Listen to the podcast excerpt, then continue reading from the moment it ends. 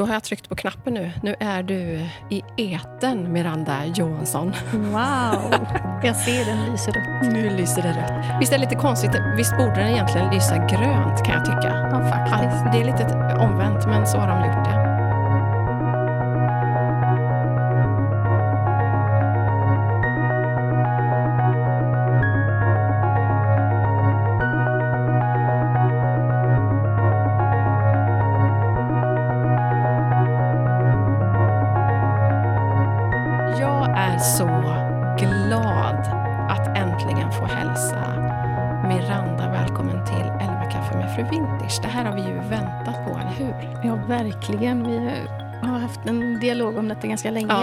Känns det som. Ja, Att eh, vi ska sitta ner och ha en kaffe tillsammans Ja. prata. prata, nu ska vi prata ut. Ja, äntligen. Sen att det kanske är någon som lyssnar, det får vi se som en bonus. Men vi har ju så, så mycket att prata om. Det är så mycket som eh, vi behöver catcha upp på. Och, ja. Men jag tänker att vi börjar... ja, Men först och främst, hur har din dag varit? Hur har din morgon börjat? Åh, min morgon började klockan fem idag när Finn, Oj. Finn han vaknade tidigt. Han är morgonpigg. Ja, speciellt när det är så varmt. Just det. Ja. Så eh, han, eh, och han har börjat få en del tänder där bak så att jag tror att han, har lite, han är lite orolig på nätterna framför Ja. då. Men så han vaknar tidigt så att eh, vi brukar, dagen är igång vid sex hemma hos oss. ja, det är så. Ja. Är du morgonmänniska vanligtvis eller har du fått bli det nu när du har blivit mamma? Nej men det, jag är morgonmänniska och har alltid varit faktiskt. Ehm, Min pappa är ju fiskare och han har ju alltid, det är på morgonen de går iväg oftast. Men på helgerna när jag var liten så vaknade han och jag tidigast och vi tog båten och ut och fiskade och åt frukost.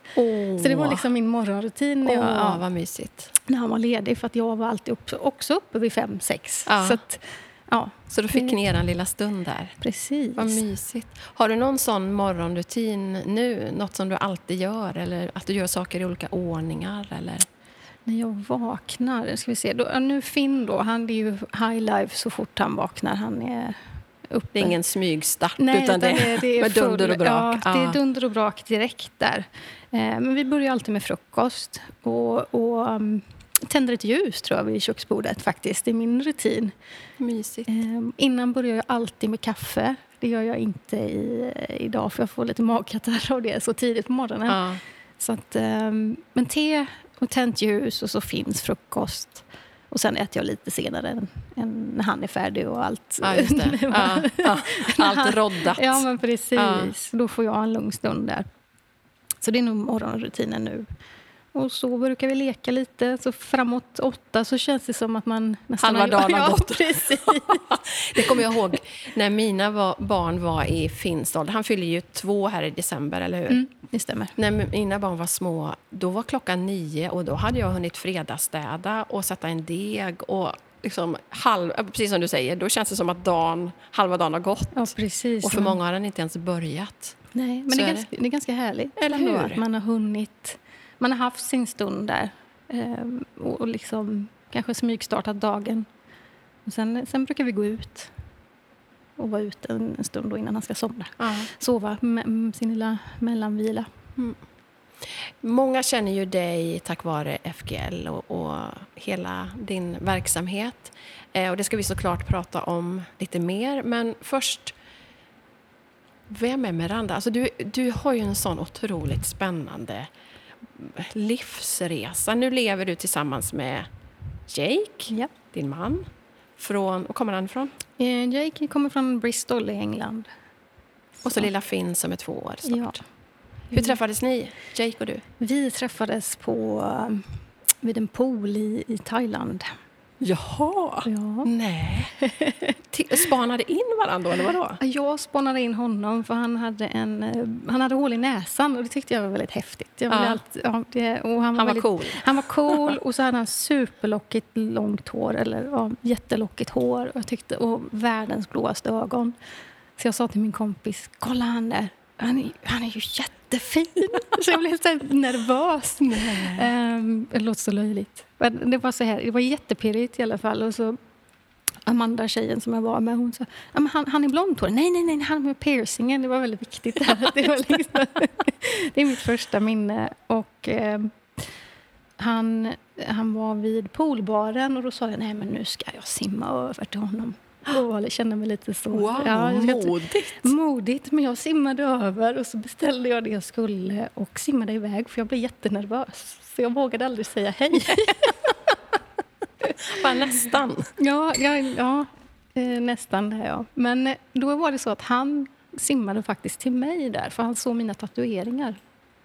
Han började fråga om dem. Ja. Så där, där, fick vi en, en, eh, där träffades vi. Och hur många år sedan är det?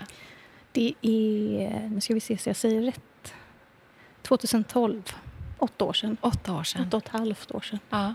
Men blev ni ett par där och då, eller, eller vad, hur, vi, vad hände sen? Nej, det var, det var helt fantastiskt. Vi, vi, han hade fyra dagar kvar i Thailand och jag hade ju ett par månader kvar där. Men eh, så flög han hem till Australien. Men vi höll kontakten och skypade varje dag. Whatsapp, Messenger, alla de. Ja, ja. Höll kontakten i... i um, nu ska vi se. Jag flyttade till Australien ett halvår senare. Ja. Så jag flyttade tillbaka, för jag kom ju därifrån då innan jag flög in till Thailand. Så jag bodde i Australien då innan vi träffades helt enkelt. Så det var, det var ett enkelt beslut att flytta till kärleken. Ja, men såklart. I landet som jag älskar också. Ja, men wow. Men om vi går tillbaka då några steg. Du är ju född och uppvuxen i lilla fiskebyn Bua utanför Varberg. Ja. Och sen har du ju rest typ jorden runt och jobbat med alla möjliga saker. Ta oss med på den resan, för det är ja. ju så coolt. Ja, det, det, det var en dröm som jag hade redan som barn, tror jag. Det här med att vara på havet. Och det, det, det, kanske det ligger ju nära, för att pappa ja, är fiskare ja, då. Ja. Men drömmen var att jobba på en stor uh, lyxjakt, säger man det? De där stora båtarna och laga mat. För det hade jag hört att man kunde göra i Västindien och vara borta ett halvår och komma hem på sommaren och sådär. Så det var ju min dröm länge. Men uh, jag kom iväg, nu ska vi se här hur det började med allt. För jag, jag har ju varit kock i alla år. Då.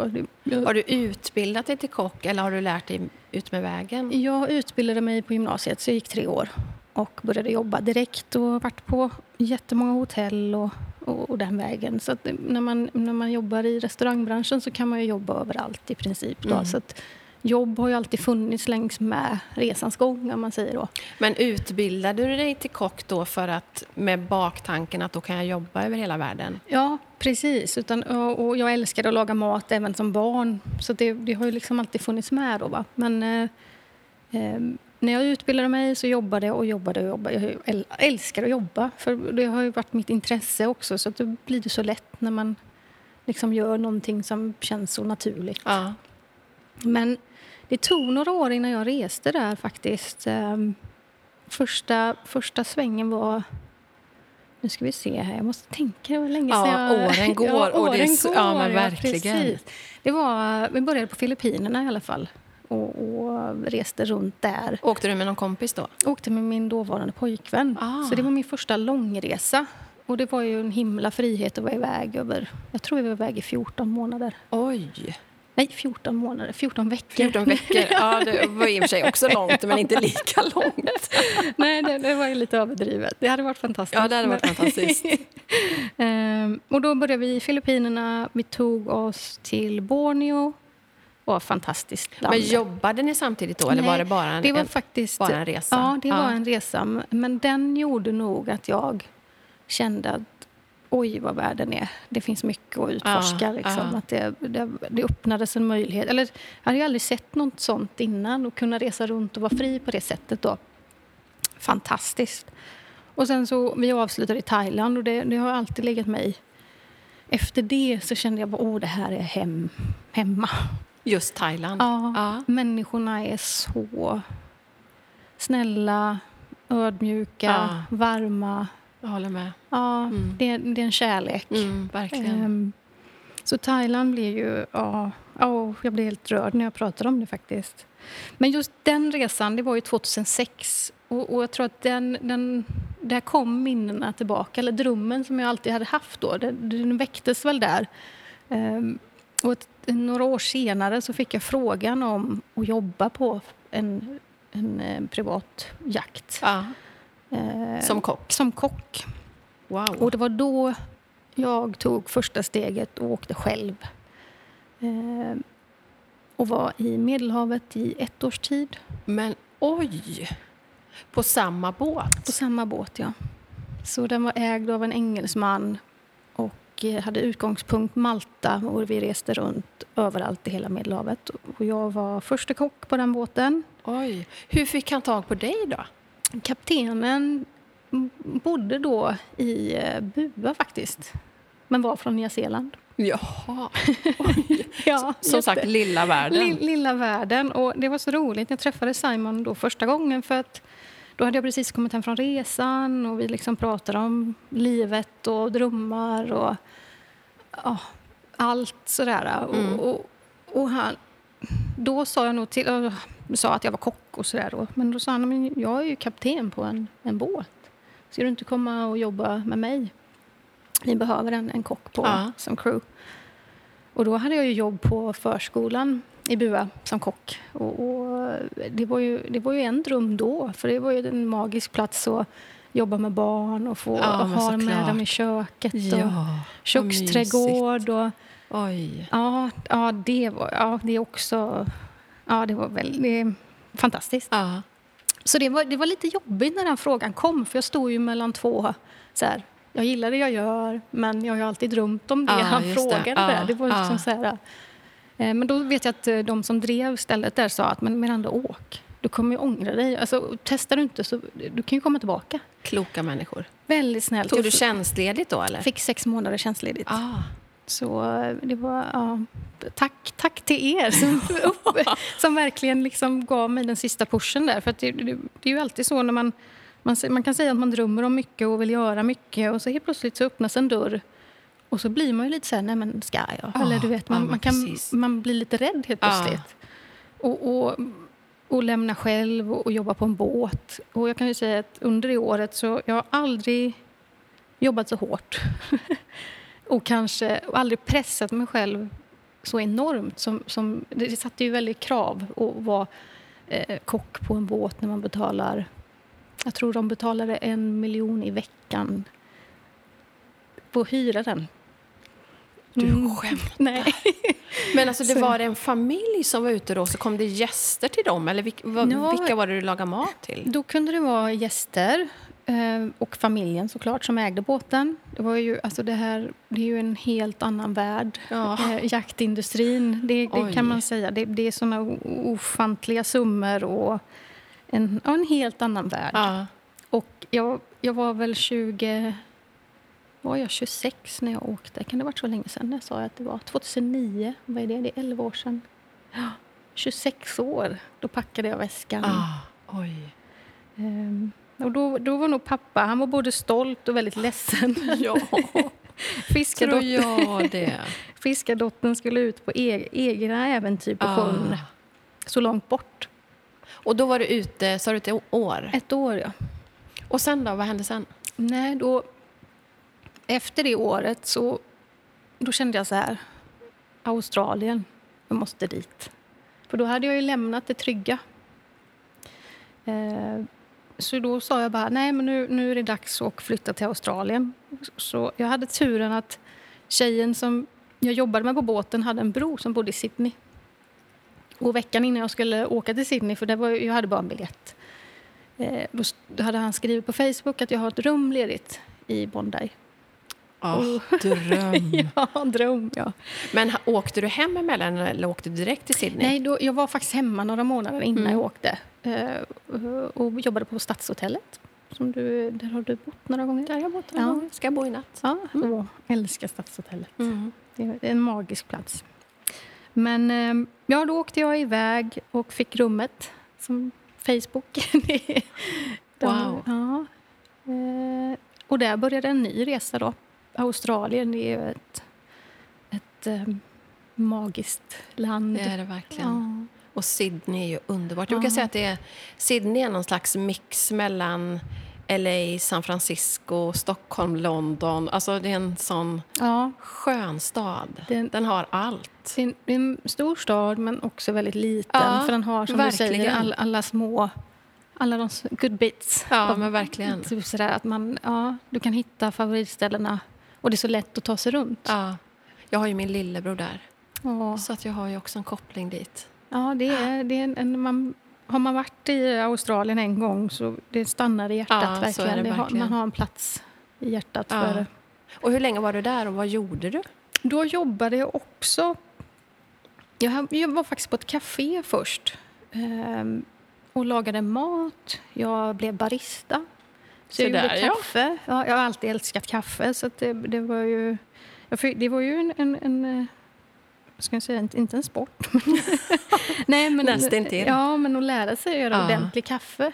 Det är en hel vetenskap. Ehm, jättekul och väldigt socialt att stå och prata. I, I Australien så är man mycket mer öppen. ja. Ehm, så det, att gå till jobbet blev ju så himla kul för jag träffade ju både nya vänner men kunderna var ju så intresserade och, och, och sådär att man hade... Det kändes inte riktigt som man jobbade. Nej. Ehm, Så där jobbade jag nog i kanske ett halvår för jag sparade pengar just för att kunna resa eh, runt om då. Så det gjorde jag. Jag var iväg nästan ett år. Ja. Och efter... Ja, jag tog mig till Thailand för man måste ju lämna Australien. Man kan ju inte vara där. Man får vara Nej, ett precis. år. Ja, det. Och så måste du ut och sen så kan du komma tillbaka ditt Mm. andra år om du har gjort. Men jag gjorde inte min working holiday. Utan jag, jag jobbade och reste och tog mig vidare till Thailand. En ganska klassisk rutt för eh, många som gör den resan. Ja, just Så, eh, det är ju halvvägs hem till Thailand. Och det var där jag träffade Jake i poolen. Meant to be. Ja, så himla roligt. Men var du kvar i Thailand och jobbade eller var det bara... Ja, då jobbade jag, då hamnade jag också på en båt som gjorde dagsturer. Så jag sålde faktiskt biljetter till eh, den båten och var med ut och seglade då i Ah. eh, Phi Islands. Och det var himla härligt. Jag har aldrig varit så fattig i hela mitt liv och aldrig varit så rik på samma gång. Jag hade, liksom, jag, jag hade ju rest så länge och liksom, det spelade ingen roll om jag hade någon inkomst egentligen. Bara man kunde liksom köpa mat och Mm. det, det hade, det var ingen vikt med att jobba och tjäna pengar på det sättet. Det som många drömmer om, att Ja. leva det livet. Ja, och det var... Jag kommer ihåg för min, mitt pass blev stulet och, och väskan. Enda gången jag blivit rånad någonsin. Eller rånad var det inte ens heller för jag hade väskan hängande på en stol och gick iväg tror jag och den var borta när jag kom. Så Nej. jag vet inte man kallar inte det rånad, man säger stulen. Ja. Sturen, ja. Men då ringde jag till pappa och sa att kan jag få låna 2000? Jag behöver ordna med pass och, och ta mig liksom. Eh, för det hade jag inte då på kontot. jätte, jätte häftigt. För det, det, jag minns det så väl och är, känner att den tiden är en av de lyckligaste. Alltså väldigt stark tid, eller kan man säga det? Ja, det Stark. kan man verkligen. Mm. Ja. Och en viktig, eh, viktig resa ändå. Eh, Eftersom jag var, reste själv. Ja. Så den känns extra speciell Och såklart. häftigt, tänker jag, och verkligen ha gjort det. Att inte sitta på ålderns höst och, och tänka på allt man borde ha gjort. Du har ju verkligen, du har verkligen levt mångas dröm. Ja. Ja. Vad, är, du, är du en sån som... Eller vad är det som gör att du faktiskt ger dig iväg och faktiskt gör det du vill, det du drömmer om? Nej, jag tror att eh, det... Hur ska jag säga det? Ja. Jag måste bara tänka nu så jag formulerar mig rätt.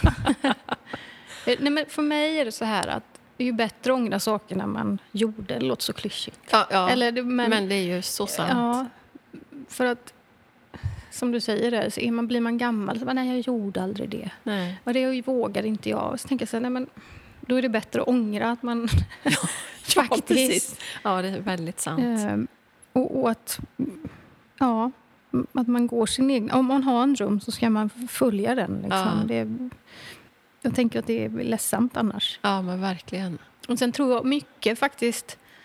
Det kan... Ibland tänker jag att det kanske beror på att... ehm, när jag var... Jag är fosterbarn eh, och är adopterad.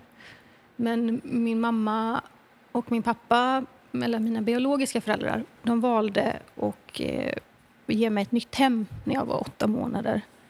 Så jag har nog alltid känt kanske någon form av att jag är absolut inte ensam för jag har en, en jättefin familj och eh, bror och syster. De är inte mina, mina biologiska, men det, det, spelar ingen roll. Men någonstans inom mig så är det så här, ja, men jag kan klara mig själv. Eller på, jag, vet, jag tror att det kan, det kan ha en betydelse i mitt... Säkert. Mitt att, alltså att man... Ja, att inte att jag är superglad att, att, mina föräldrar, mina biologiska föräldrar faktiskt gjorde det valet. För jag har fått ett väldigt fint liv på mm. grund av det. Ja. Uh, jag tänker att det, öppnar, det kanske har öppnat en, en dörr som gör att jag vågar mer. Eller på något sätt mm. att jag mm. har ett, an, ett annat tänk uh, när det kommer till kanske att vara vågad. Eller att man Ja, jag vet inte, ja. det låter lite jo, men, men, ja, nu, men jag fattar vad du menar. Har du haft någon kontakt med dina biologiska föräldrar sen? Ja, Alltså, ända fram tills jag började skolan så träffades vi eh, när jag fyllde år och eh, storhelger och sen jul och sådär. Jag var ju alltid... För att jag, det är så... Det är en ganska... Ska jag berätta lite? Historien ja, lite? så mycket du vill. den är ganska speciell. Och den, vi har ju alltid pratat om det i min familj. Utan, så jag är fosterbarn i... När jag säger min syster så är hon min kusin. Så, ja. Alltså du, bor, du har växt upp hos din moster? Eh, Eller? Nu Fast ska vi se. morbror? nu ska, för det här, det, här, det här det blir lite invecklat. Så min, min, min syster Marie, hennes mamma, eh, var ihop med... Eller, nej, nu kan inte... nu snurrar jag ihop det här. Vänta lite. Så min pappa och min systers pappa, de var bröder. Vad sa du nu? Din... Min, min biologiska pappa och min kusins pappa, ja. ska vi säga, för att det ska bli okay, korrekt det, här nu. De var bröder. Så ja. min farbror, eh, farbrors dotter eh, är min syster idag. Ja, just det. Så du har vuxit upp med din farbror och hans fru? Är det rätt då? Ja, nej, till en del. Ja, det här blir, nu blir det väldigt invecklat. För, jag klipper ihop det här ja, på ett bra ja, sätt. nu, nu krånglar jag till det för dig, Malene. Nej, men så här, mamma fick Marie och min bror när hon var ganska ung, 16, 17 och 20 tror jag hon var. Mm. Eh, och när jag kom in i den familjen tio år senare så levde mamma ihop med min pappa ja, idag. Då. Ja. Ja, det, det, det, kräver nästan sitt egna, ja, sitt egna inlägg. Ja. Vi får ta ett eh, separat poddavsnitt. Ja, nu låter det jätteinvecklat. Ehm, men jag hamnade ju i en fosterfamilj som blev min, min riktiga familj. Ja. Liksom. Ja. Och jag känner en stor tacksamhet. att Jag tror min mamma, min biologiska mamma var, hon var ju ensam med mig då. Och jag tänker att det är ett jättestort steg och kunna, alltså väldigt osjälvisk. Verkligen. Och kunna säga att min dotter har det bättre hos er. Ja. Och jag är super, jag känner enorm tacksamhet och kärlek inför det. För att istället, jag tror att kanske många kan, om man är fosterbarn eller att man kan vara arg på sina biologiska, ja. alltså varför, ja, ja. att man inte tar ansvar. Och man kan ju se, man kan ju se allt med, det finns alltid en fram, fram och baksida. Ja, men så är det såklart. Och jag, jag har alltid känt mig bara väldigt tacksam att de var stora nog och, och valde det åt mig. Vad, hur, kan du själv se eh, vad som gör att du faktiskt kan se det på det sättet? För att det är ju stort från ditt håll också att kunna se det fina i det. Ja, mm, mm. jag tycker, för mig så är, så är det självklart att känna så. För att det hade varit tråkigt att gå och vara arg mm. för en sån sak. Det blev så bra. Verkligen. Um, och, och, jag tänker att man hade ju hoppats att kanske sådana som har vuxit upp i familjer som inte har haft det så bra, att de skulle haft den möjligheten också. Mm. Eller, mm. Um, men um, ja, det, det, gör ju livet lite lättare och enklare och gladare om man kan se det positivt. Liksom. Verkligen. Så är det ju med allt vi går igenom. Ja. Att, men just det här att, att vi, kan ju inte, vi kan inte välja vad som drabbar oss i livet men vi kan välja vad det får göra med oss och hur, hur vi hanterar det så är det ju, även om det låter väldigt enkelt och inte är så enkelt alltid. Mm. Men det är ju verkligen en sanning. Ja. Nej, och, så jag var väl alltid den, inte annorlunda, men jag har nog alltid gått min egna väg tror jag, på mycket. Och, och kanske, jag har förklarat detta lite, det äh, låter ju lite krångligt kanske hela historien, men det har gjort, jag tror att det har gjort mina val lite enklare. Ja. Att inte ång- alltså att hellre bara göra och att, ja, jag vet inte, det är ju jag som tar besluten liksom. Ja. Hur tror du att det har påverkat dig i din mammaroll när du själv blev mamma sen? Jag tror... Först tänkte jag, när jag var gravid, vet jag så här, tänk om jag också känner att jag skulle vilja ge bort mitt barn. Mm. För att min biologiska mamma inte orkade eller kunde. Nu hade hon förutsättningar och inte kunde. Hon var själv i det. Och, eh, min biologiska pappa ja, han var med om en olycka och hade sina problem. Eh, så hon var ju ganska ensam i rollen och behövde jobba och, och sådär. Eh, men ja, de tankarna kom ibland, men så tänker jag att jag, jag är ju inte hon. Liksom.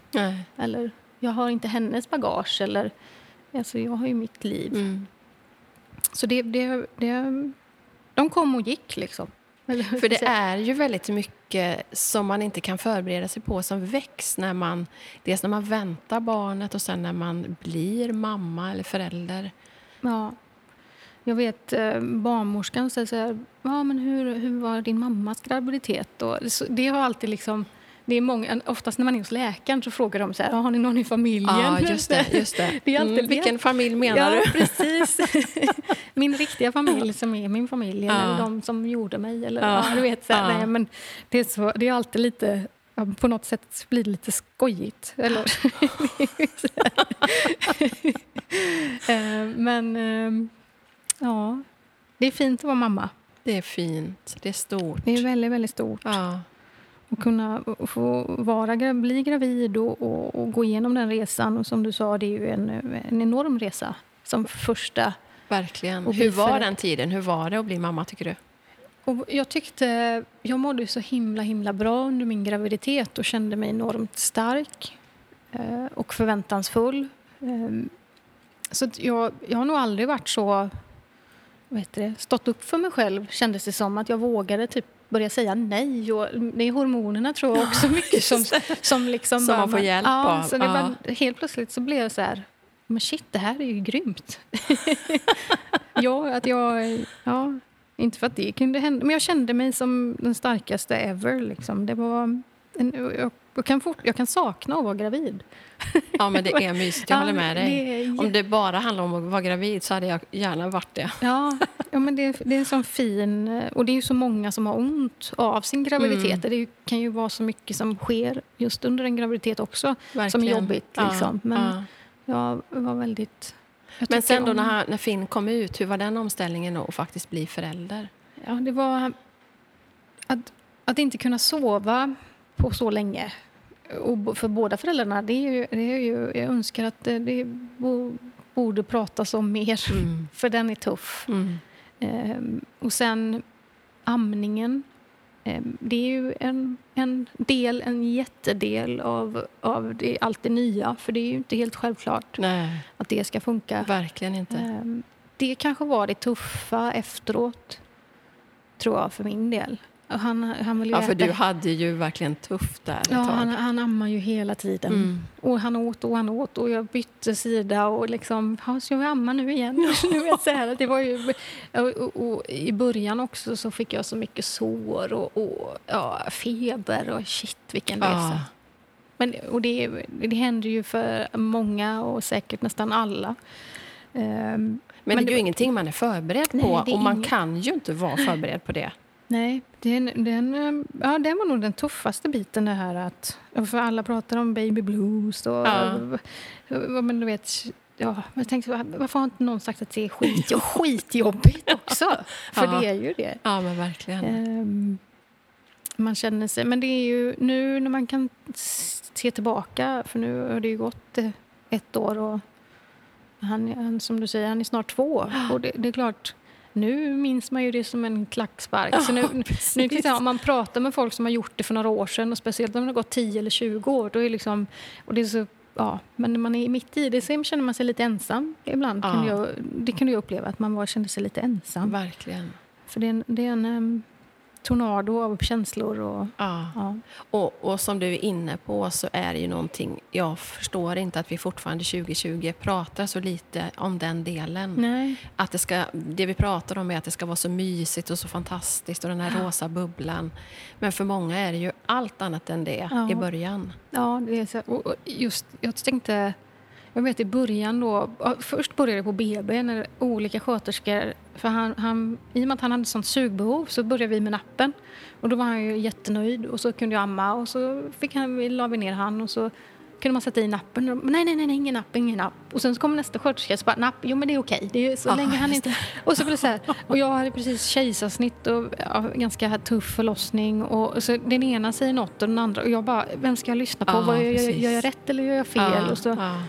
Eh, ja, man, mm, och sen när man är första gångs förälder så vet man ju Nej. inte. man vet ingenting. Nej. Eh, Och allt är ju rätt för, sin egen, Ja. för sitt egna barn. Det finns ju liksom inga rätt och inga fel. Och det, det är många som kommer med tips. Ja, så är det verkligen. Har du testat det här? Ja, precis. och det är, fan, det är också fantastiskt för det, är- det är ju väldigt vä, det är välmening. Välment. Ja. Ja, eh, men ja, man testar mycket och ja, det är fint. Det är, vi behöver prata om det. ja, men verkligen. Alltså, det- Ja, men så är det.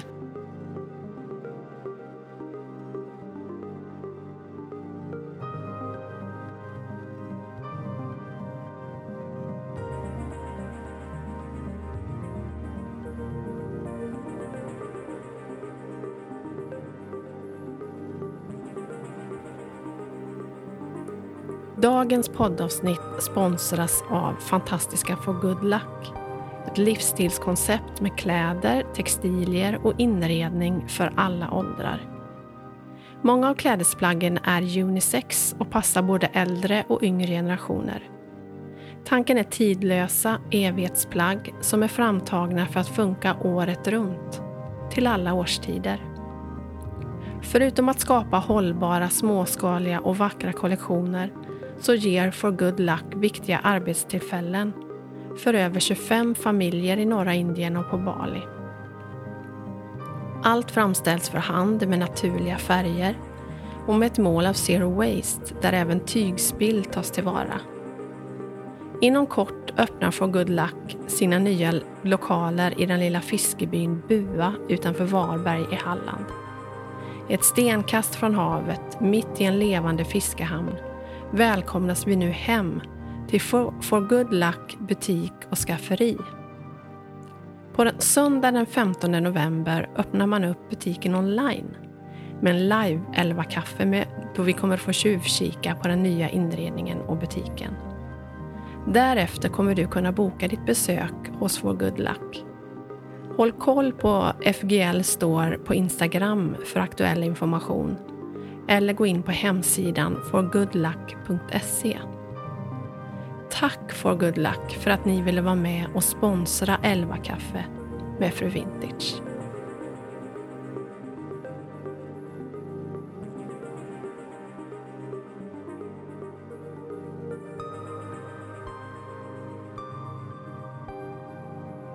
Men du, om, om man tänker nu då, nu fyller han snart två. När du tänker framåt, vad, vad är det viktigaste för dig att skicka med honom i livet? Finn, att han, em, han får göra allt det vill han... eh? Jag brukar alltid säga att allt det jag vill, det kan jag.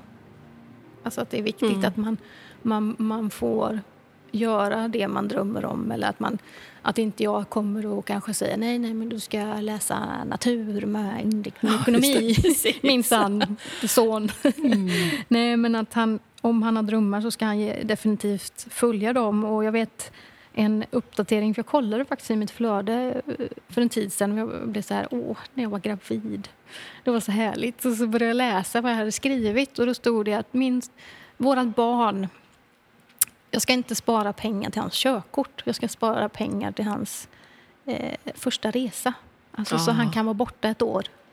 Ehm, för att jag tycker själv att mina resor har gett mig så otroligt mycket. Att man, Att man liksom börjar livet efter skoltiden med att och, och, och möta olika kulturer Mm. och få förståelse för att i andra länder så gör man så här. Eller, ja. Ja, men det, det är så viktig grej, tycker Ja. jag. Och just livets skola. Ja, att den är, och jag kan gärna följa med Finn.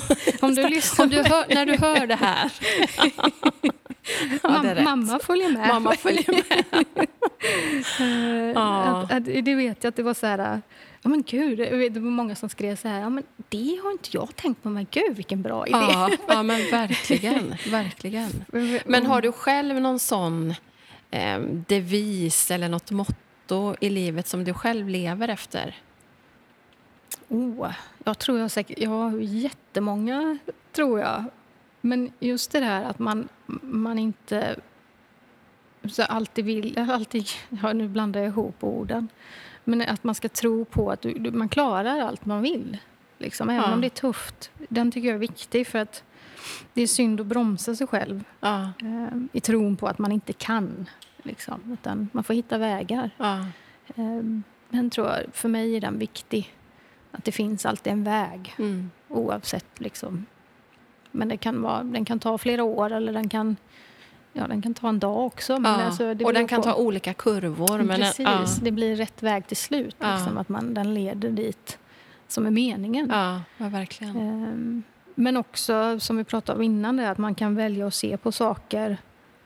Eh, alltså, det finns alltid någonting positivt i det hela. Att det är lättare att, att ta den, alltså se det som en positiv Mm, grej. mm. Ehm, för att det hjälper hela... Ja, men det blir, det blir, ett lätt sätt, tror jag. Ja, Ehm, att man... Mm. ja. Bra. Det blir mycket tankeverksamhet ja, här nu. Jag, jag känner, vet. vad, är det jag säger egentligen? För, does it make sense? Ja, det kommer det absolut göra. Det är det som är det fina i samtalet, att det får gå lite sina egna vägar. Men när vi, eh, jag tänker om vi ska föra in lite grann... Ja, men många känner ju till dig via FGL. Mm. Vi räknade ju ihop här hur många konton du faktiskt, faktiskt Ja. eh, jonglerar. Och det är ju ditt egna då, Miranda Rebecca. Ja, Och sen är det FGL, precis. Farfars lycka. Berätta lite om Farfars lycka. Ja, vår rosa dröm. Ja. Ja. Farfars lycka, det har ju varit... Jag och Jake, sen vi bodde i Australien. I, I Australien, det känns som att de är lite före i tiden med mycket. De Mm. har ju klimatet framför allt. Men ja. i, I Sydney där vi bodde, och jag jobbade i ett café och pressade juicer som en galning. För det man, dricker, man var väldigt hälsosam. Alltså, generellt tror Ja. jag att det är ett hälsosamt, eh, en hälsosam livsstil där nere. ja. Eh, där kom ju juiceriet i mitt... Eh, ja, där har jag ju därifrån. I Farfars lycka. Vi serverade färskpressade juicer och smoothies och hembakat. Eh, mycket för att jag älskar fika. Underbart. Ja, kaffe och dopp, det är liksom det jag är uppväxt på. Ja. Eh, nej, men då vet jag att jag och Jake drömde om att ha en van i Australien och köra runt. Och då sa vi att då borde man ju ha liksom en, som en, man kan servera lite kaffe som i alla fall tjänar lite pengar. Mm. eh, men själva Kärleksparken och Farfars lycka, det, det är ju Malin, en kär vän, som drev eh, juice och yoga där först. Och hon hade också bott i Australien. Så hon öppnade ett, en juicevagn eh, och körde juicer, kaffe, lite fika och körde yoga mycket. Och det blir en, en, en, det är en magisk plats. Det, har, det är ett speciellt, ett Det är det verkligen. ställe. Och för den som inte vet om så är Kärleksparken en liten park i Varberg, precis nära havet. Ja, Lummigt och mysigt. Väldigt. Så det, tack vare Malin så har den, den parken fått ett, ett namn kan man väl säga. Eller en, ett mer purpose Ja. i, i, i det här. För att hon, hon hade den eh, parken i fyra år men sen så valde hon att gå vidare och studera. Och då såg vi så här, nej men vi, vi måste. Vi, har sagt till Mal, vi sa till Malin då i flera år att nej men ska du sluta så säg till oss för att då, då är det vår tur. Vi kan ta det under våra vingar och fortsätta. Och då blev det en öppning. Så förra året så målade vi om en husvagn som vi köpte begagnad, en jättegammal från 60-talet kanske. Den är ganska liten. Den målade vi rosa. Eh, för vem gillar inte en rosa Eller husvagn? Det gör ju alla. Ja, och eh, Finn var ju bara fem månader då när den resan började. Och han var ju då farfars lycka. Så därom namnet så är ju... Så Finn han är ju farfars lycka, men sen så är ju farfars lycka det är ju också kaffe. Kan, det, kan jag, näst, fint. det kan jag nästan skriva under på att alla farfrar, säger man farf, Farfrar, ja, det bestämmer vi. vi. Eh, farfrar, de gillar kaffe. Så Ja. att det, det blev liksom så här, det, fick, det blev en sån fin, en mysig, ja, ett mysigt namn med alltså kaffe i centrum egentligen, eller Finn eller att man, Ja. ja. Ehm, så farfars föddes på två veckor kan man säga. Ja, då Vi- jobbade ja, ni ju Då verkligen. var det, vi renoverade vårt hus som vi bor i idag. Också var mitt i så här megarenovering där. Och så husvagnen megarenovering. eh, som tur var så hade vi faktiskt farfar på besök som är snickare. Så han fick jobba jättemycket. eh, men förra sommaren drog vi igång och det var ju jättemysigt. Succé. Succé och jätte, ja, otroligt mycket jobb. Alltså Ja. restaurang är ju det är en tuff business Ja. liksom. Mycket, mycket hjärta och kärlek bakom. Blod, svett och tårar Ja. som de säger. Ehm, och så, ja, så nu är det andra året som vi har kört. Jätteroligt.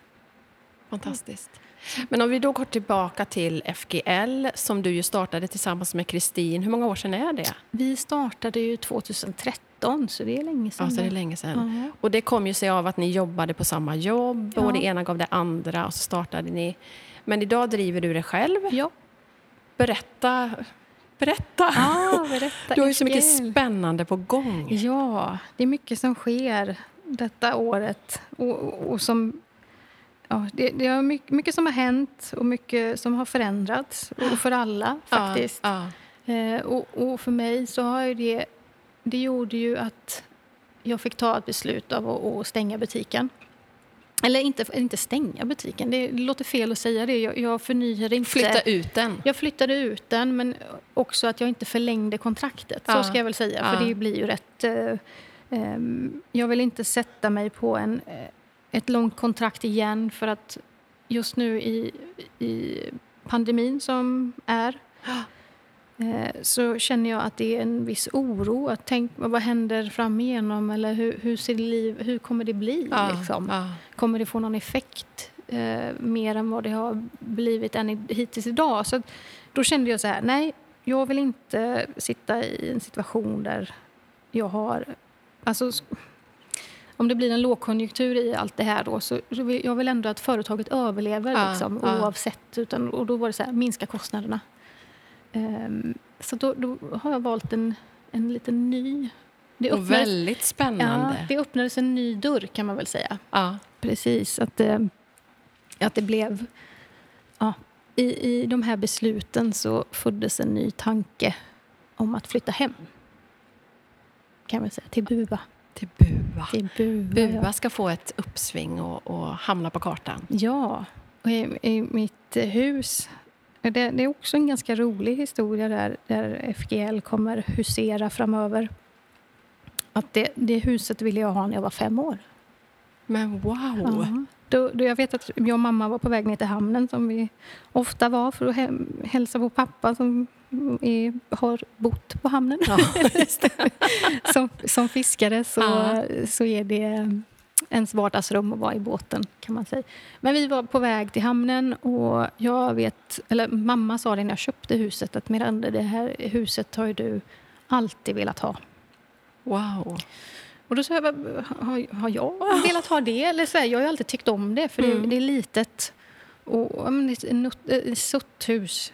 Väldigt sutt hus. Men då sa hon, nej, men du, du var nog runt fem när du sa, när ska mannen i huset flytta från, när ska han flytta ut? Eh, Tydligen gillade jag det redan då. Så att... eh, Men vad roligt. mm, Och där har ni ju bott ett tag, du och Jake. Precis, vi har renoverat upp det. Och vi bodde där i, kan det ha varit i tre år faktiskt. Mm. Och sen har ni hyrt ut det. Så det, det blir FGLs nya headquarter. Åh, vad roligt. Vad kommer hända där då? Ja du, det är det kommer hända ganska mycket faktiskt framöver. Det kommer växa fram kan man väl säga Ja. först. Men det blir en... eh, Det blir att man kan komma till mig i huset. Så det blir liksom FGLs nya butik. Men eh, hemma hos. Mm. Och eh, mitt mål med... Alltså, om man, jag kommer ju börja med att det blir butik. Kommer utveckla konceptet. Alltså det kommer bli mer grejer. Men vi ska förtydliga att du bor ju inte där idag. Nej, Utan vi- det här blir hemma för FGL Ja, och du bor ett precis. stenkast därifrån, eller ja, ni? Ja, Mm. det stämmer. Precis så. Eh, men eh, jag gillar ju att baka och, och, och dricka kaffe och möten. Och, Och laga jättegod mat. Ja, ja men tack. Ja, Ja. fantastiskt. Nej, så att tanken är ju att man ska kunna komma till eh, FGL och, och faktiskt slå sig ner för en fika och njuta i hamnen i Bua. Och förhoppningsvis lunch. Ehm, och kanske bo över. Ja, åh vad jag längtar. Ja, Jag vill vara den första gästen. ja du är... Drar jag vi- ihop vi- mina tjejer så ja, kommer vi. Vi bokar in dig. Ja. Det fina är ju också att eh, några... Eh, fem minuter bort så ligger det en bastu vid havet. Mhm. Så den tänker jag att när man bor hos mig så får man ta del av den Tillgång också. till den också. Mm. Det ska jag berätta för Mackan. Då vill Ja. han också vara ja, första gästen. Ja. Och så ligger det ett gym också. Ja, men du ser. Det blir vår nya semesterort. Ja, nej men så det är väl planen. Eh, en- Ja, vad spännande. Så spännande. Jag vet inte om du... Ja, jätte, ja det är så spännande. För jag, när, när idén föddes så vet jag att jag, jag delade också på Instagram att om FGL har ett bed and breakfast eller skulle ni komma och sova över här? Och jag, nu, jag, jag ställde frågan som att det skulle ske i butiken Ja, som jag är precis. nu. Ja. Men det var väl just bara för att få gensvaret för jag vet att många är... När man kommer till FGL så har man rest en bit för man vill ut man vill komma till Varberg Ja, och uppleva precis. Varberg Ja. och inte liksom komma för att köpa en skjorta mest utan man vill göra allt runt Ja. omkring och, och vara en del av. För här, här är mycket och Varberg har mycket, eller Varbergs kommun har mycket att erbjuda eftersom havet är bara precis utanför dörren i princip. Verkligen. Men gensvaret då var ju enormt. Och då insåg jag att ja, men shit, det finns ju en efterfrågan. Ja, det Ehm, tror jag det. Mm. Så det blir lite hönor på tomten. Mina, Ja. mina älskade mina hönor. Min, Ja, kan- såklart. De får flytta dit. ja, så Mini kommer vara där. Nu ska hon flytta hem för det var ju där hon började med Ja, just det. Instagram-Mini. Ja. Hon gillar att gosa. Så att, Ah. det kan man, man kan få klappa Man kan henne. få gosa med henne också, bara en sån sak. Ja, Nej, men- Underbart. Så det är, det är ett jättespännande år med tanke på att mycket har förändrats för många. Och, och, och det är väl också så att man kan antingen så kan man säga nej men jag orkar inte fortsätta eller jag vågar inte fortsätta Nej. och att man kanske inte satsar lika mycket som man hade gjort om det hade varit normalt eller Nej. eh, sådär. Men man kan tänka sig att det finns ju andra vägar att gå och, och förnya sig på eller förmin, alltså göra det, hur ska man säga? Ja, nej, men jag, Ja. verkligen. Mm. Vi får tänka nytt. Mm. Precis. Och det är, ju, det är ju som sagt spännande mitt i allt. Ja, och, och, och det är ju... Alltså för mig är det så här... Äh, hela FGLs resa och, och storyn bakom människorna som gör jobbet. Att det, det är så mycket känsla och kärlek och det är så viktigt på något sätt att hela upplevelsen vill jag ska... Man ska komma ihåg den eller man ska få med sig, ta del av den. Då tänker jag att då kanske man... Att det blir en sån upplevelse och inte bara åka till FGL och handla utan man kan faktiskt bo över och ja, få njuta och stanna upp liksom, Ja. ett minisamhälle, Ja, Ett fisk- fiskesamhälle. Och har, har ni tur så har pappa säkert varit ute och fiskat kräftor. Ja. Ja, men vilken dröm. Ja. När du är inne på det här med kärlek och, och den här värmen och känslan. Eh, jag tänkte precis komma till det, för det är någonting av min första upplevelse av dig när vi träffades för några år sedan. Då blev jag bjuden tillsammans med ett gäng tjejer på en social dinner som Kristina och du hade. Mm. Och jag minns så starkt, eh, nu blir jag nästan lite rörd faktiskt, Ehm, att du fångade mitt hjärta på en gång. Mm. Du är ju en person som inte... Du armbågar inte platt, fram och du... eh, Vad ska jag säga? Du tar liksom inte upp någon annans plats. Alltså det, var, det var ett väldigt... Det var ett väldigt starkt och fint möte med dig första gången. Och du är ju en otroligt varm och inkännande person. Nu sitter vi här. Ja. det var inte riktigt beredd på. Men, men det jag vill komma till är att eh, du har ju gjort otroligt mycket Alltså via det, det du gör och det du kan. Jag tänker inte minst på hur självklart det har varit för dig. Du är månadsgivare till Läkarmissionen. Du har gjort flera olika event där pengarna har gått till dem och till andra organisationer.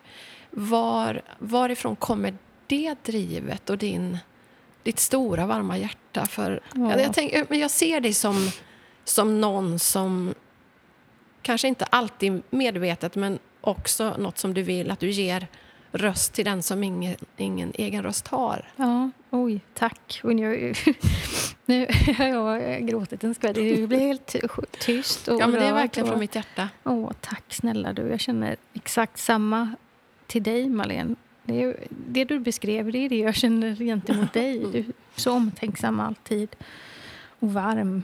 Men, åh, nu måste jag... Vad var frågan? Oj, förlåt. Vad är, det, vad är det som gör att det är en sån självklar del av dig? Ja, att lyfta andra eller att, ja, finnas, och finnas för att, andra. Ja, att, att lyfta andra och att finnas för andra och det här att, att ge vidare. Jag tänker att för mig är det viktigt att göra skillnad för andra. Um, för att det betyder mycket för mig, för att då känner jag att jag har gjort något bra. Um, och, och, och, jag tror att det, det som driver mig är att faktiskt finnas för andra och, och göra skillnad. För att det betyder väldigt mycket för de som kanske inte kan. Eller jag tänker, om jag tänker för FGLs del så har det skapat otroligt mycket jobb för, för jättemånga personer som har ett bättre liv idag. Vilket, det, är ju, det är så fantastiskt. Alltså, och då tänker du på dina leverantörer? Ja, ja. familjerna ja. Som, som jag jobbar emot. Att det, det är en jättestor del. Det är den viktigaste delen för mig, att, att få hjälpa dem. Eh, för de är ju otroligt kunniga. Eh, men utan kanske FGL eller... Alltså, hade jag fått lägga ner FGL till exempel, ja, då hade ju många stått utan jobb. Mm. Vilket är så här det är det som gör att jag, jag vill fortsätta. Jag vill, liksom, jag vill göra annorlunda. Och jag vill, jag vill kanske göra att man tänker lite extra. Och det, och det är också det vi pratade om innan. Att, att man kan välja att se på det på olika sätt. Eller just det här med att ja, det lilla, något litet är ju väldigt stort för någon annan. Ja. Och det är så himla lätt att ge, ja. om, man, om man kan så, så är någonting så, här, alltså en liten gest kan bli något, alltså det kan förändra någons liv. Eller, för mig är det jätteviktigt. Och, och jag tänker att jag tror att jag är uppfostrad så. Pappa han har alltid liksom varit väldigt generös och hjälpsam och vill hjälpa andra som är i behov av, av vad det nu än må vara. Men han har alltid varit väldigt mån av det. Um, och min farmor vet jag, Linnea, hon um, hon skänkte också väldigt mycket pengar. Nej, men det, det lilla, lilla jag kan göra kan ju mm. bidra. Och, mm. och, det, jag tror att det är ju så att vi alla kan hjälpas åt. Mm. Um, för mig, ja, det är ju liksom... Det vet jag att jag och du har pratat om innan också. Att jag, jag blir alltid så imponerad av, av ditt engagemang och driv i, i Läkarmissionen till exempel. Så att det är min dröm att en dag kunna, kanske inte jobba alls, utan jobba med människor som behöver det som mest. Mm. Det är liksom min lön. Eller hur ska jag säga? Mm. Att jag önskar att jag kommer dit. Men jag tänker att du redan gör det. För att det är ju en, ett steg i det att ge eh, människor, alltså de som är på plats. Om jag tänker utifrån Läkarmissionen då.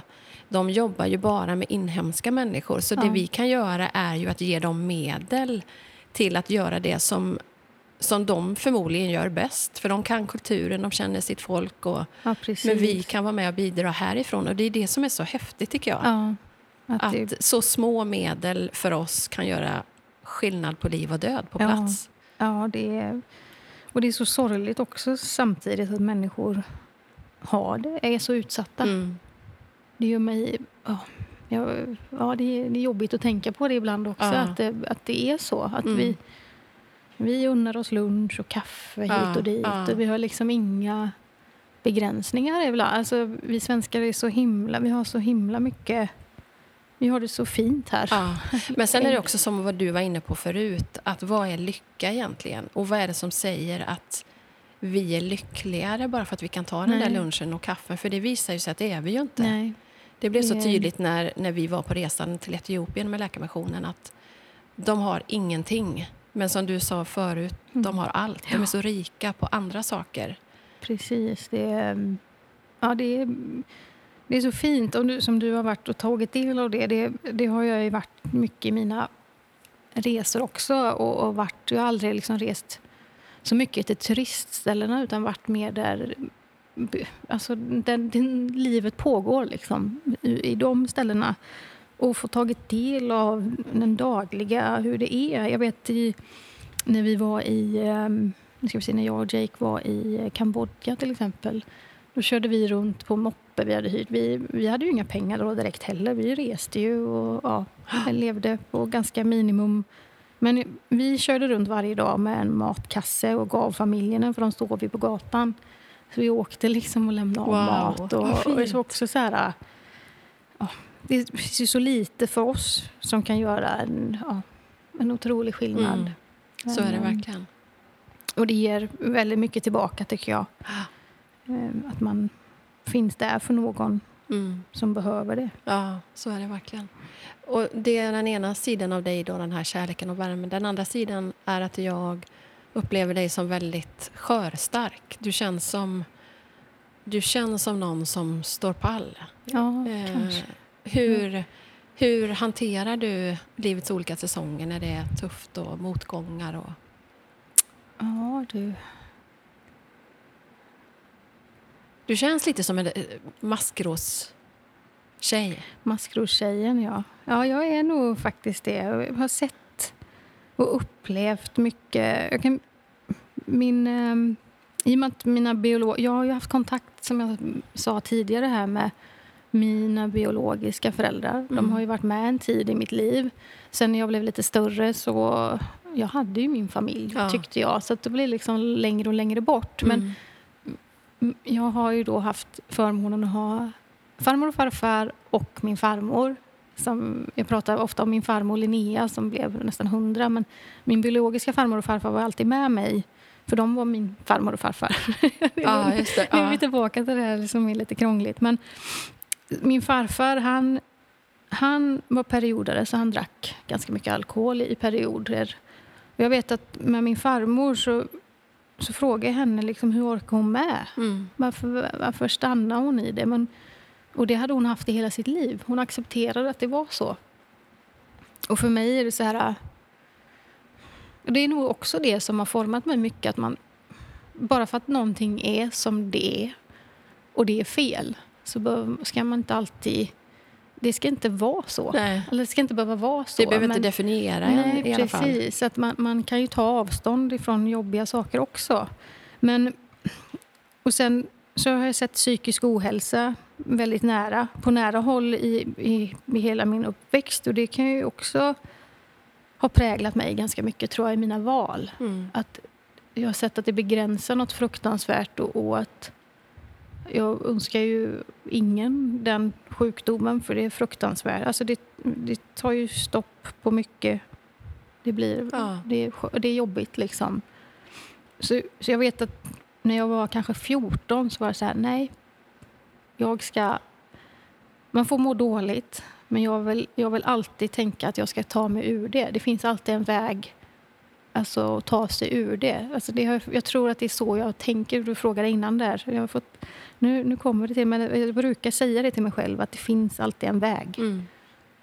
Men sen, sen har jag själv inte, kanske inte jag har aldrig varit så pass nere eller så. så och, och liksom, så det, det, det, man ska inte, jag vill inte hänga ut någon eller på något sätt säga att, att man inte kan vara sjuk eller Nej, så. nej. Det är ett känsligt ämne, jättekänsligt, men jag har haft, jag har haft det väldigt nära så att jag i, i, min, i min, min, min erfarenhet och, och som, så, ja, så tror jag att eh, för mig har det gjort att jag alltid tycker, eller jag känner att, att man kan ja, att man får lov att liksom, vad ska man säga, säga ifrån eller ta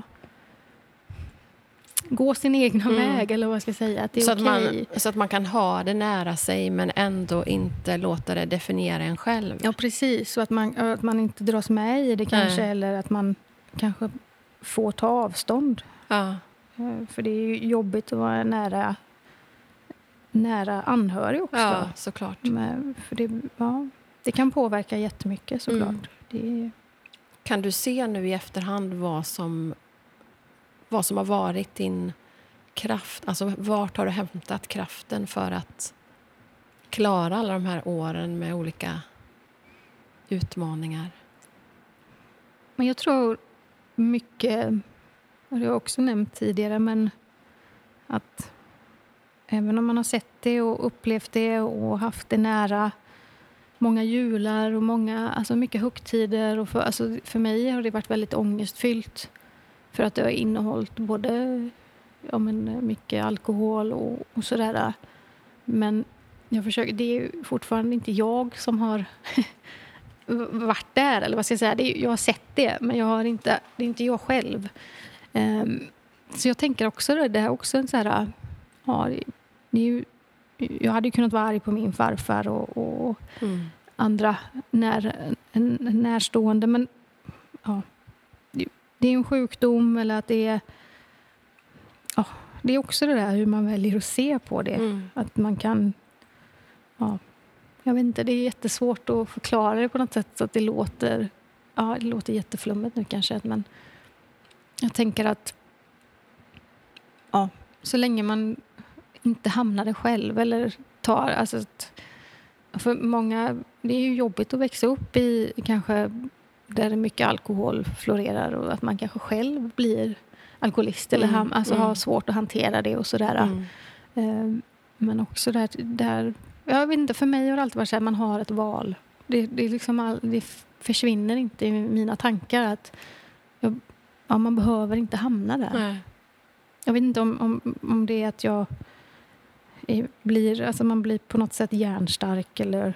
Jag tänker att det är min... Jag ska se till att man inte hamnar där själv. För det är ju ingen annan som kan rädda mig. Nej, eller du men, vet, så nej, men att så man, man får liksom tänka att, att man, man får ju klara det själv. Mm. Eller, det Ja, nej, men jag förstår. ja. Och jag, jag tänker att båda de sakerna som, som du har varit inne på nu och som, som det låter som har varit lite grann utav ditt livselixir. Eh, just det här att det finns, vi har alltid ett val Mm. och det finns alltid en väg. ja. Och vi skulle kunna sitta här du och jag i timmar och prata men vi ska faktiskt avrunda och jag tänker att de två sakerna är väl en fantastisk sak att, att skicka med i, till er som har lyssnat. Att det finns alltid en väg. ja. Eh, och vi, vi väljer väldigt mycket mer än vad vi kanske vill inse ibland. ja. Även om livet har sina säsonger och vi alla drabbas på olika sätt. Jag är så tacksam till det du har delat, Miranda. Tack. Ja, tack, Tack. tack. för din värme och tack för ditt mod att dela och tack för allt, allt du ger Ja, till tack. oss som finns runt omkring dig. Tack själv, Malene. Det är Jättefint att, att få vara del av din resa, din poddturné. Eller hur? Ja, så himla härligt. Ja, det har varit jätteroligt. Jätte, jättekul. Nu, nu, nu snurrar det jättemycket i mitt huvud. Jag tänkte, vad har jag sagt? Ja, men vet du vad? Du kan, du kan vara lugn i att vi kommer att podda mer framöver, du och jag. Så att det här får bli ett avsnitt och så får Ja. vi ta upp trådarna nästa gång vi ses. Ja, Så tack till dig Miranda och tack till alla er som har lyssnat. Tack för att ni lyssnar på 11 kaffe med Fru Vintage. Jag är så glad för att ni gör det. Tack, tack, tack. Och hej då Miranda. ja hej då. Ha det gott. Detsamma.